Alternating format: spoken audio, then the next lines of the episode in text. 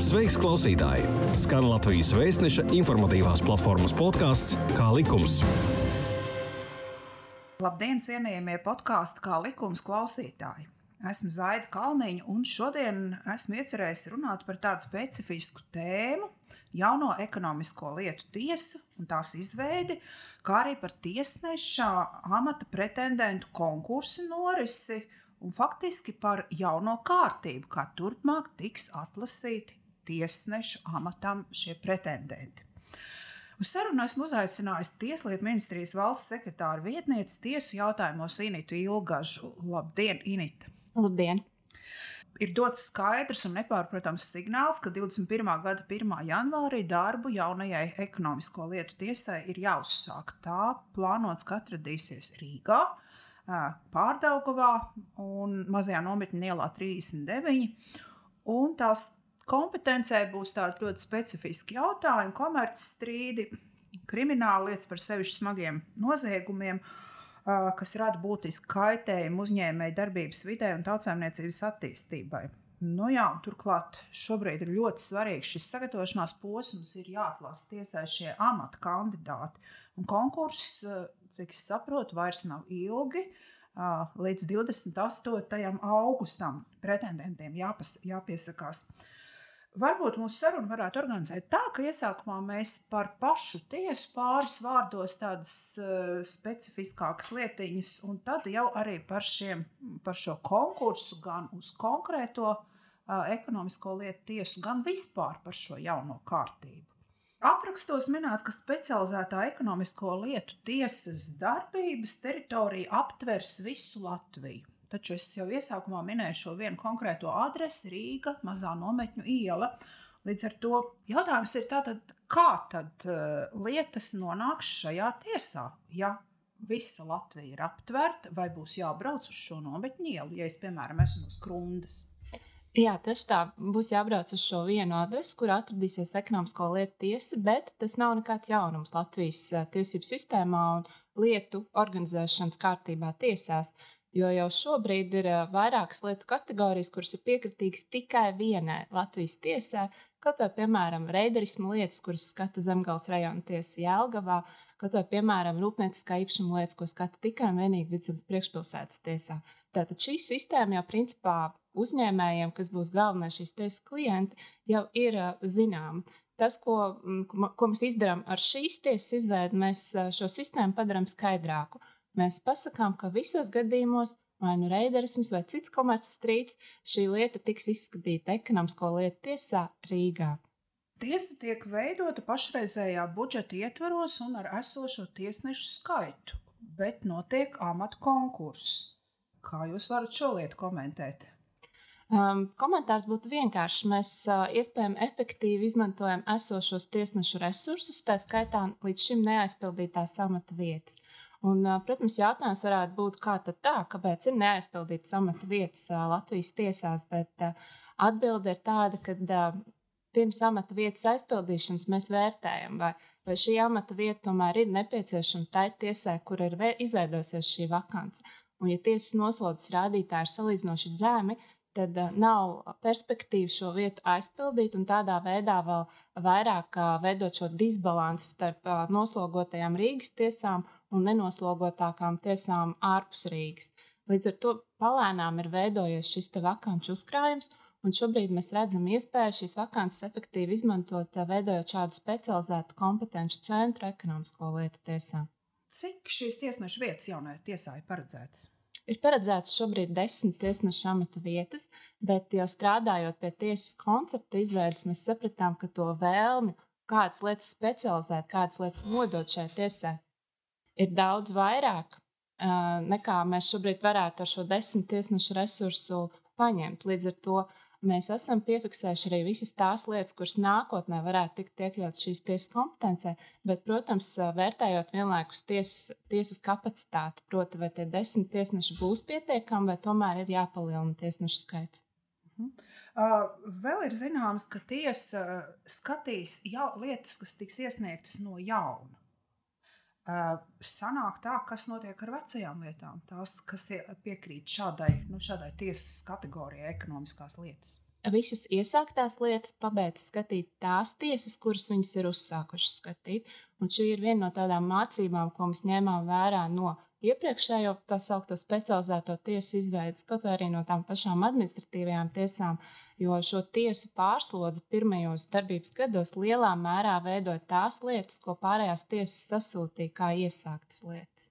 Šobrīd ir izsludināts šīs amatu konkurss, un tajā ir aicināti pieteikties arī tādi pietiekami kompetenti juristi par tiesnešiem, kurš katrs nevar laikam kļūt. Un, uh, sanāk, ka šis uh, amatu pretendentu konkurss atbilst šiem pēdējiem grozījumiem likumā par tiesu varu. Un uh, sanāk, jaunā kārtība jau atlasē tiks attiecināta pirmkārt uz šo ekonomisko lietu tiesu vai arī paralēli uz kādām citām tiesām. Kārtība attieksies uz jebkuru tiesu, bet šobrīd atvērts konkurss ir tieši uz ekonomisko lietu tiesu. Tad arī uz šīs tiesas konkursu pirmo reizi šī kārtība tiks piemērota. Mm -hmm. Bet nākotnē viņa attieksies vienlīdz uz jebkuras citas uh, tiesas konkursu. Kā likums? Kā likums? Jā, tu klausies Latvijas Vēstneša informatīvās platformas podkāstu Kā likums? Izskatīsim šo jauno atlases kārtību mazliet tā kopā ar jums, jo es neapšaubām saprotu, ka cilvēki, kas pretendēs uz tiesneša amatu, viņi lieliski spēj orientēties normatīvos aktos un it kā šīs prasības jau ir definētas likumā. Tomēr ir arī noteikti kaut kādas nu, teiksim, fineses, kas varbūt tur ir eh, noklusējumā un kuras varbūt jūs varēsiet atklāt. Ir zināms, ka šādi konkursi notiks periodiski, neretāk kā reizi trīs gados, un um, tas nav atkarīgs no tā, vai kādā tiesā būs vakants vai nē. Tas nozīmē, ka veidosies tāds kā um, kandidātu saraksts, un uh, šiem pretendentiem būs nu, pacietīgi jāgaida, kad uh, viņam var tikt piedāvāts eh, attiecīgajā tiesā ieņemt tiesneša amatu. Kādi vēl ir šīs kārtības ieguvumi? Nu, pirmkārt, tas arī ir viens no lielajiem iegūmiem, šis rezervistu soliņš, jo tā bija viena no lielām problēmām tiesu darba organizācijā. Proti, ka, ja konkurss tiek uzsākts tikai pēc tam, kad vakants ir izveidojusies, tad līdz šim šis atlases process kopā ar stažēšanos prasīja gadu un pat vairāk. Tas nozīmē, ka gadu tiesa strādā nepilnā sastāvā, attiecīgi pārējie tiesneši strādā ar, ar pārslodzi.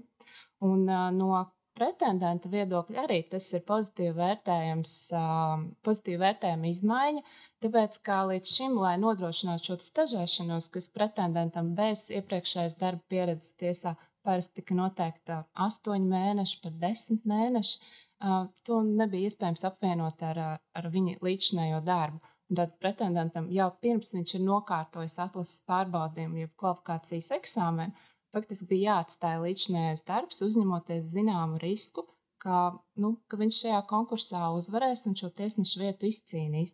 Šobrīd šī sistēma ir veidota tāda, ka atlases process ir savienojams ar iepriekšējo pretendenta darbu, arī būšana rezervistu sarakstā ir savienojama ar uh, cita darba veikšanu.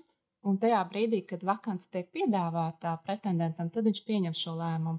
Jā, es kļūšu par tiesnesi, un tas process ir ļoti ātrs, tikai kamēr sēna pieņem lēmumu un prezidents pieņem zvērestu, vai viņš var arī atteikties no šīs vakances, sakot, ka nē, šo vakanci tomēr es šobrīd uh, nepieņemšu, bet es vēl esmu ar mieru turpināt būt sarkastā uz atlikušo termiņu. Un kā tas satrasina stažēšanās jautājumu? Šī ir būtiskākā izmaiņa likumā par tiesu varu, ko jūs minējāt. Grozījumi ir veikti un stažēšanās ir svītrota kā procesa sadaļa. Mēs plānojam šo iegūmu no stažēšanās aizstāt ar tiesnešu mācībām. Visiem jaunajiem tiesnešiem ir paredzēts pienākums pirmā gada laikā iziet jauno tiesnešu mācību kursu, un mēs sagaidām, ka tie rezultāti varētu būt tikpat labi, ja ne vēl labāki. Un šīs apmācības notiks paralēli darbam. Ja? Viņi, viņi, viņi jau būs tiesneši un izies apmācības, vai Jā. es nesapratu. Ja? Tā. Jaunais tiesnesis tātad viņš stājas pie savu amatu pienākumu izpildes, un uh, paralēli darbam viņam ir uh, pienākums apmeklēt šīs mācības. Protams, uh, respektējot to, ka viņš arī sāk skatīt lietas, bet tā noslodze pirmajā gadā nav tik liela, lai nevarētu atļauties iziet šī, šo mācību kursu. Labi, līdz tam, lai kļūtu par tiesnesi, vēl būs jāaiziet vesela, milzīga ļoti jaudīga atlases kārtība un jautāšu par atlases komisijas izveidi. Tā ir uzticēta Tieslietu padomē. Tieši tā. Un jautājums ir tāds, vai šī komisija nu, būs uz šiem trim gadiem vai kā tāda pastāvīga ar noteiktu sastāvu, vai viņi būs, piemēram, nu, varbūt viņi ir izveidoti un vispār nemainās, vai kā ir domāts ar, ar šo komisijas locekļu nu, būšanu, nebūšanu operēt. Komisija tiek izveidota uz trījiem gadiem, un šo trīs gadu laikā komisijas sastāvs nemainās, ja vien objektīva nepieciešamība nav aizstāt kādu no tās sastāvā esošiem tiesnešiem. Komisija pieņems jebkuru tiesnešu atlases pārbaudījumu šo triju gadu periodā. Šie tiesneši ir tātad trīs no rajona tiesu līmeņa, trīs no apgabala tiesu līmeņa un trīs no augstākās tiesas. Respektīvi, speciālisti vērtēs topošos speciālistus. Jā. Vēl ir zināms, ka jaunā atlases kārtība ir vērsta nevis ne tikai uz profesionāliem kritērijiem, bet arī uz pretendenta nu, personīgajām kaut kādām iezīmēm un sociālajām prasmēm. Uh, Un, un e, šī komisija, acīm redzot, šīs vērtēs un atpazīs. Un pat ir radīts tāds īpašs sociālo, profesionālo un, un personīgo kompetenci uzskaitījums. Vai varat to nedaudz ieskicēt? Jo uh, interesanti nerunāsim par profesionālajiem. Tās no nu, es pieļauju, ka vairāk vai mazāk skaidrs šiem cilvēkiem, kas var pretendēt. Bet, ja runa ir par šīm personīgajām un sociālajām prasmēm, jā, uh, Eh, kādas tad tiek uzskatītas par atbilstošām šām tiesnesim? Jā, jums taisnība. Šo prasmu uzskaitījums ir ietverts kārtības pirmajā pielikumā. Visnotaļ garš saraksts. Un eh, šeit jāatzīst, ka eh, droši vien nav tāda cilvēka, kurš atbilst pilnīgi visam šim sarakstam. Šis saraksts drīzāk ir kā tāda ceļa karte gan topošajiem tiesnešiem, gan arī esošajiem tiesnešiem, gan tiesnešu mācību organizētājiem kas ir tās īpašības, kas ir tās kompetences, eh, kas personā būtu jāattīst, lai viņi kļūtu ar vien labāks un labāks tiesnesis. Jā, nu, tiešām tādu ideālos tiesnešu. Es pieļauju, ka kāds varbūt izlasa šo pielikumu, paskatās, man neatbilst tas, tas, un varbūt nemaz nepiedalās šajā atlases procesā, lai gan, kā jūs minējāt, ir iespēja taču mācīties un augt. Ja? Kā jūs varētu iedrošināt cilvēkus nu, teiksim, vērtēt šīs izvirzītās prasības viņam un, un tomēr domāt par, par kaut kādu šī savu tiesnešu karjeras veidošanu? Mm, es domāju, ka cilvēks, kurš uzdod sev jautājumu, vai es varētu būt labs tiesnesis, noteikti var būt labs tiesnesis. Tikai cilvēks, kurš nekad šādu jautājumu sev neuzdod, par šī cilvēka personības atbilstību, es droši vien šaubītos. Jo liela daļa no tiesneša darba ir tāda nemitīga pašizaugsme vienmēr uzdot sev jautājumu, vai es to izdarīju labi, vai es to varēju vēl labāk. Un, tie ir arī tie cilvēki, ko mēs meklējam, šajā, meklējam šajā atlases procesā. Un es ieteiktu, varbūt uh, nebaidīties no tā, ka tā ir jauna atlases kārtība un kad uh, ir tāda uh, smalka elementa kā kompetenci novērtēšana. Jo patiesībā jau tas nav nekas jauns. Kompetenci vērtēšana ir visā valsts pārvaldē Arī privāto uzņēmumu darbības sfērā uzņēmums savus topošos darbiniekus izvēlās lielā mērā balstoties arī uz šo kompetenci novērtējumu. Un šis galvenās kompetences tiesneša amatā ir, protams, spēja uzņemties atbildību, spēja pieņemt lēmumu, viennozīmīgi komunikācijas prasmes, spēja strādāt komandā, sava darba organizēšanas prasmes. Tas tās pamatlietas, kas ir svarīgas ikvienam no juristiem. Nu, es domāju, tās ir arī tādas, skatoties šīs kompetences, man tieši arī tas sasaucās, ka tas katram vadītājam, jā, tādas atbilstošas. Un tad, ja katram tiesnesim, tad katrs tiesnesis ir faktiski tāds uh, nopietns vadītājs. Jā, nu, pa, paskatīsimies tagad par tām piecām atlases kārtām. Nu, ārkārtīgi nopietnas eksāmenes pretendentiem stāv priekšā neapšaubāmi. Un, interesanti ir arī tas, ka, ja nu tu kādā no šīm kārtām nekvalificējies, tad tu nevari turpināt. Piemēram, tu nekvalificējies trešajā kārtā, un tev ir liekta ceturtā un piektā kārta. Bet vai runa ir par tikai konkrēto konkursu tajā gadījumā? Piemēram, nu, cilvēks ir iesniedzis tur, nu, es nezinu, um, kādā kārtā viņš neiztur. Jā? Vai viņš var pēc trīs gadiem atkal piedalīties? Jā, protams. Likums par tiesvaru šo jautājumu risina un ir paredzēts liegums tikai gada laikā pretendēt atkārtot konkursā, ja viens konkurss nav izturēts. Tā kā pilnīgi noteikti.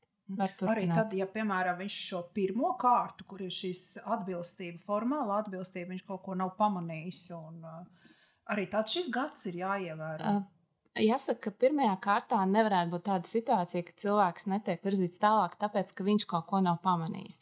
Pirmajā kārtā tiek pārbaudīta tāda atbilstība likumā noteiktiem formāliem kritērijiem, un, uh, ja tiesa administrācija, kas nodrošina komisijas darbu, redz, ka kāds dokuments nav iesniegts, tad viņi to pieprasīs vai nu no iestādes, vai nu no paša pretendenta. Līdz ar to var būt tikai tāda situācija, ka cilvēks tiešām vai nu vēl neatbilst kādam, kādai no likuma prasībām, piemēram, nav sasniedzis 30 gadu vecumu, vai, uh, diemžēl, uz viņu attiecas kāds no likumā noteiktiem ierobežojumiem. Piemēram, pret viņu šobrīd ir krimināla vajāšana. Tagad, tad ir jāskatās, vai, vai nākotnē šie ierobežojumi vēl pastāvēs vai nepastāvēs. Uh, Jā, jūs jau minējāt, ja šim pie šīm kompetencijām, prasmēm, komunikācija. Nu, mums, kā Latvijas vēstneša tiesiskās un pilsoniskās informācijas platformai, kas strādā arī ar komunikāciju un ar kvalitatīvo informāciju, mums šis likās ļoti interesanti. Eh, un, un vai es jautāšu tā, vai šajā gadījumā komisija skatījās tālāk un ir doma veidot kaut kādu vienu konkrētu tiesnešiem komunikācijas, es nezinu, uh, nu, kaut kādu praksi, ja? Vai katrs tiesnesis varēs būt individuāls savās komunikācijas izpausmēs? Visiem tiesnešiem tiek piedāvāti šie komunikācijas, jeb mediju treniņi. Tad iespējas attīstīt prasmes ir ikvienam, Bet, protams, vienam tas ir vairāk no dabas dots, otram tas prasa lielāku piepūli. Līdz ar to vairākās tiesās ir arī darbinieki, kuru pamatu uzdevums ir sniegt šo atbalstu komunikācijas jautājumos. Šāds darbinieks ir arī tiesa administrācijā, kurš vienmēr ir gatavs tiesnesim palīdzēt sagatavoties intervijai vai sagatavot rakstisku komentāru. Līdz ar to šis nepieciešamais atbalsts ir nodrošināts. Bet komunikācija ar mēdījiem ir, ir svarīga, bet tas ir tikai viens no tādiem komunikācijas elementiem.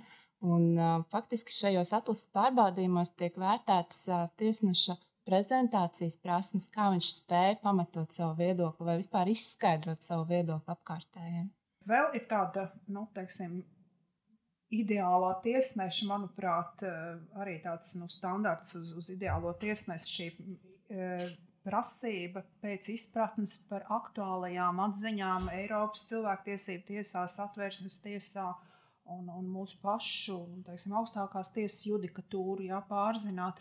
Eh, es iedomājos, nu, eh, kā esošie tiesneši, kas varbūt to izlasa, kā viņi, kā viņi domā, uh, ko viņi domā par sevi, vai viņiem nav steidzami jādodas uz kādām tiesnešu apmācībām. Nu, šiem jaunajiem censoņiem, jā, kā jūs minējāt, cilvēks 30 gadi, nu, acīm redzot, tie arī būs tādi jaunie juristi, kas uh, nāks jaunā tiesneša paudze. Viņiem droši vien uh, šīs prasmes varbūt ir jau daudz tuvākas jau no tikko no, no uh, šīs uh, studiju sola.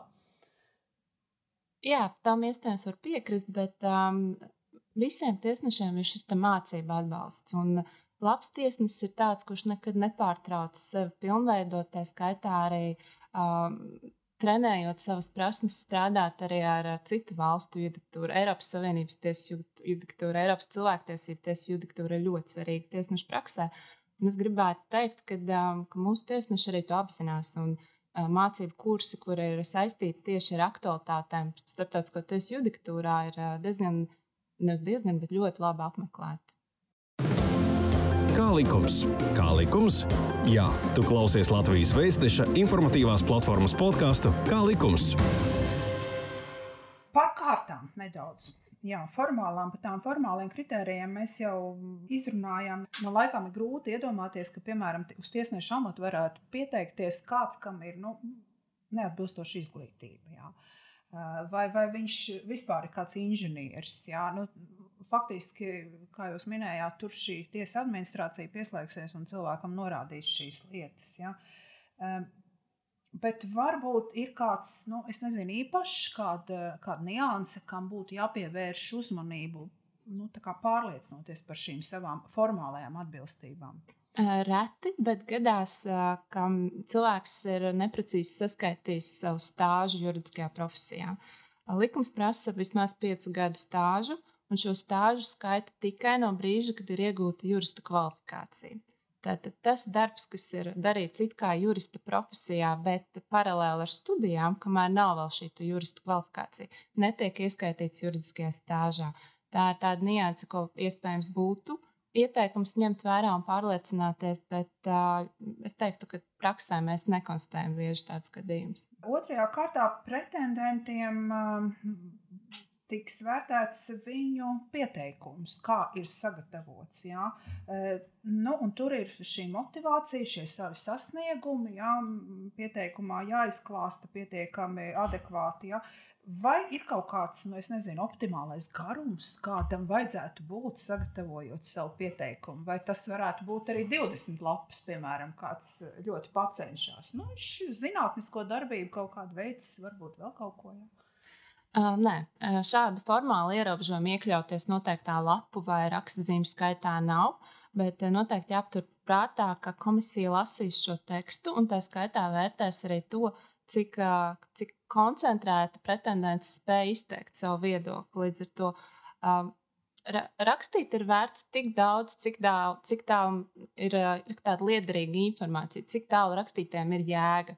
Tur, kur sākas liekvārdība, es domāju, arī komisija to pamanīs un diez vai tam piešķirs lielu, lielu vērtību. Nu, protams, taču katrs vērtē arī desmit balvu skalā. Ja? Nu, tad tur laikam tie punktiņi ies mī, nu, mīnusos. Ja?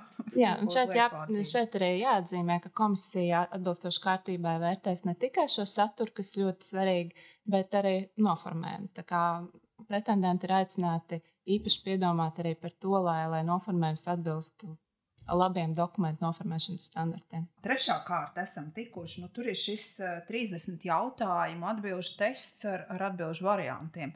Eh, nu, pietiekami nopietni, 30 jautājumu. Cik ilgā laikā būs jāatbild? Uh, viena stunda ir atvēlēta šiem jautājumiem, bet, ja mēs varētu vēl vienu solīti atkāpties, tad es gribēju piebilst, ka ļoti svarīga lieta ir, ka pirms šī testa pretendentiem tiks, tiks piedāvāts mācības. Un uh, mācības ir uh, tieši ar tādu mērķi, cik šī ir jauna atlases kārtība, mazliet jauns saturs, tad, lai palīdzētu pretendentiem, fokusēties uz šiem atlases pārbaudījumiem un atsvaidzināt, un, un saga, atsvaidzināt zināšanas un, un sagatavot viņus gan testam, gan ceturtajai kārtai, kas būs jau juridiskie kāzusi.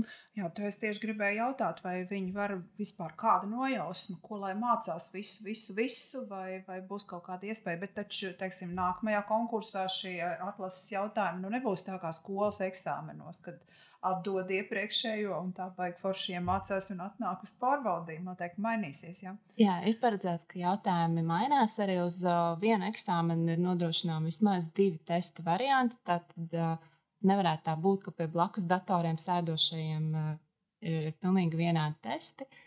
Um, jā, tā tā otrā lieta, ka tests būs datorizēts, līdz ar to arī uzreiz varēs redzēt to rezultātu, tests ir vai nav nokārtots.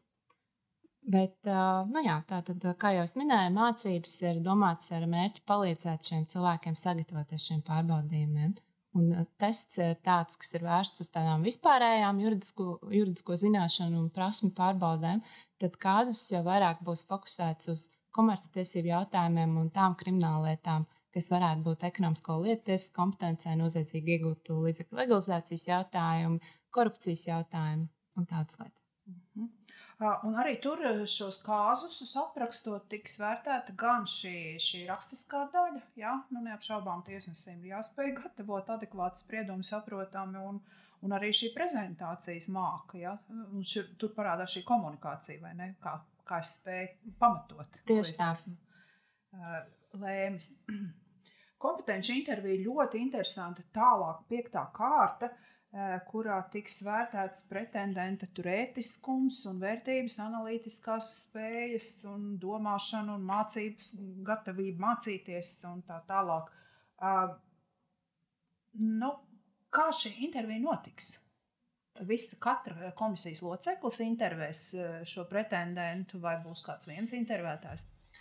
Mēs apzināmies to, ka šādu interviju kvalitāti var vadīt tikai persona, kas ir apguvusi kompetenci interviju vadīšanu un kompetenci vērtēšanu. Līdz ar to arī kārtība paredz, ka komisija var pieaicināt savā darbā šādu speciālistu, vai arī komisija, komisijas vārdā šo interviju var vadīt komisijas loceklis, kas ir apguvis šo kompetenci vērtēšanu. Un uh, plānots, ka šajā pirmajā konkursā komisijas darbā tiks pieaicināts kompetenci vērtēšanas speciālists. Bet tā komisijas locekļi nevarēs uzdot papildu jautājumus, ne? vai kā? Viens vada un, un viss, un pārējie klausās. Komisijas locekļiem būs iespēja arī uzdot šos te, uh, jautājumus, lai varētu veidot savu viedokli par pretendentu, jo viņi ir tie, kam ir jāpieņem lēmums. Uh, jā, Galu beigās, kā jau mēs sapratām, veidosies šis pretendentu saraksts ar iegūtajiem punktiem, viņiem arī acīm redzot šī specializācija. Un derīgs trīs gadus, paiet trīs gadi, man nepiedāvā, es esmu pretendents, bet man nepiedāvā nevienu tiesu, nevienu vietu. Vai man vēlreiz ir atlasē jāpiedalās, vai es joprojām sēžu rindā? Nē, diemžēl kandidāta saraksta derīguma termiņš ir tie trīs gadi, bet Tieslietu padomu var lemt par šī saraksta termiņa pagarināšanu. Tātad, ja Tieslietu padomu redz, ka ir labi pretendenti, bet šajos trijos gados tik tiešām tā vietu maiņa nav bijusi tik intensīva, Tieslietu padomu var pagarināt kandidāta saraksta derīguma termiņu. Uh. Jā, un, tāds vēl viens tāds jautājums, vai šī piedalīšanās atlasē gan uz šo ekonomisko lietu tiesu, gan arī turpmāk citos konkursos, vai tas ir maksas pasākums, vai tas ir tā? Jā, paldies par šo jautājumu, jo es tiešām nākot uz šo sarunu um, domāju, vai to ir vērts pieteikt vai nē, jo man tas šķita pašsaprotam, ka uh, konkurss uz tiesneša amatu ir bez šīs eksāmena maksas. Bet jums taisnība, tik tiešām visās pārējās juridiskajās profesijās ir diezgan ievērojama eksāmena maksa. Tāpēc vēlreiz atkārtot uzsveru, ka šis eksāmens ir bez maksas. Nekāda maksa par uh, piedalīšanos tiesneša amata kandidātu atlasē no pretendenta netiek prasīta. Jā, nu, man šķiet, ka tādus galvenos jautājumus es jums pajautāju. Varbūt jums ir ko piebilst pašai, vēl paskaidrojot par šo atlases kārtību, varbūt konkrēti uz, uz šo jauno tiesu. Lūdzu! Uh, nu, droši vien noslēgumā, un atgriežoties pie tā, ar ko mēs sākām, mēs tiešām aicinām izvērtēt ik vienu augstu kvalificētu juristu, um, pārskatīt savu nākotni un uh, iespējams saredzēt sevi šajā ekonomisko lietu tiesā. Tas varētu būt vērtīgs ieguldījums Latvijas valsts attīstībai. Mēs redzam, ka arī esošie tiesneši varētu būt ļoti labi, um, ļoti labi papildināt šīs tiesas uh, komandu un turpin, turpinot darbu ekonomisko lietu tiesā. Bet, protams, mēs gaidām arī jebkuru citu juristu, kuru interesē komerclietas, kuru interesē krimināllietas un kurš vēlās pievienoties Latvijas tiesnešu saimē. Un uh, tiesa administrācija, protams, ir gatava sniegt visu nepieciešamo atbalstu, lai šie tiesneši, kā jaunie tiesneši, varētu uzsākt pietiekami profesionāli sagatavoti uh, jauno pienākumu izpildi. Tātad, uh, Kā jau minēju, būs gan pretendentu mācības atlases procesā, kuras varēs apvienot ar darbu. Tātad nav obligāti jāņem atvaļinājums, lai varētu startēt atlases konkursā un apmeklēt šīs mācības.